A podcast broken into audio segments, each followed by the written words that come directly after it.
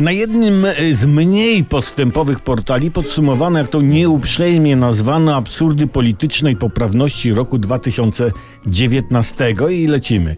E, Jona Rosnen, fiński bioetyk, zaproponował, aby pozwolić niektórym ludziom, jak to określił, dowolnie wybrać swój wiek w celu zwalczania dyskryminacji związanej z wiekiem.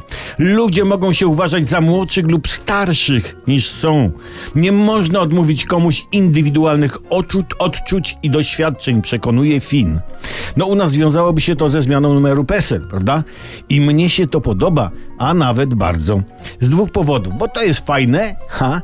I ja byłem pierwszy, który wymyślił coś takiego, a więc wyprzedziłem rozwój fińskiej myśli bioetycznej. Wow! Wow!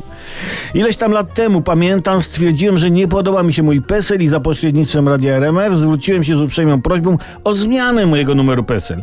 Prośbę swą motywowałem tym, że stara data urodzenia mi się znudziła, i nie spełnia pokładanych w niej oczekiwań i nadziei. Chciałem, by wybrana przeze mnie data urodzin brzmiała 10.06.2002. Prawda? Jednak pod wpływem bioetyki fińskiej zmieniłem zdanie i zdecydowałem, że mam 162 lata albo więcej, gdyż ten wiek wskazuje, że nie żyję. Czyli uwaga, nie muszę płacić podatków. No pan Fin napisał przecież, że można się uważać za starszego niż się jest, prawda? I nie można odmówić komuś indywidualnych odczuć, prawda? Ja czuję, że nie żyję.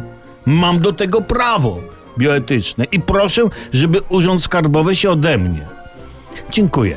Niech żyje fińska bioetyka.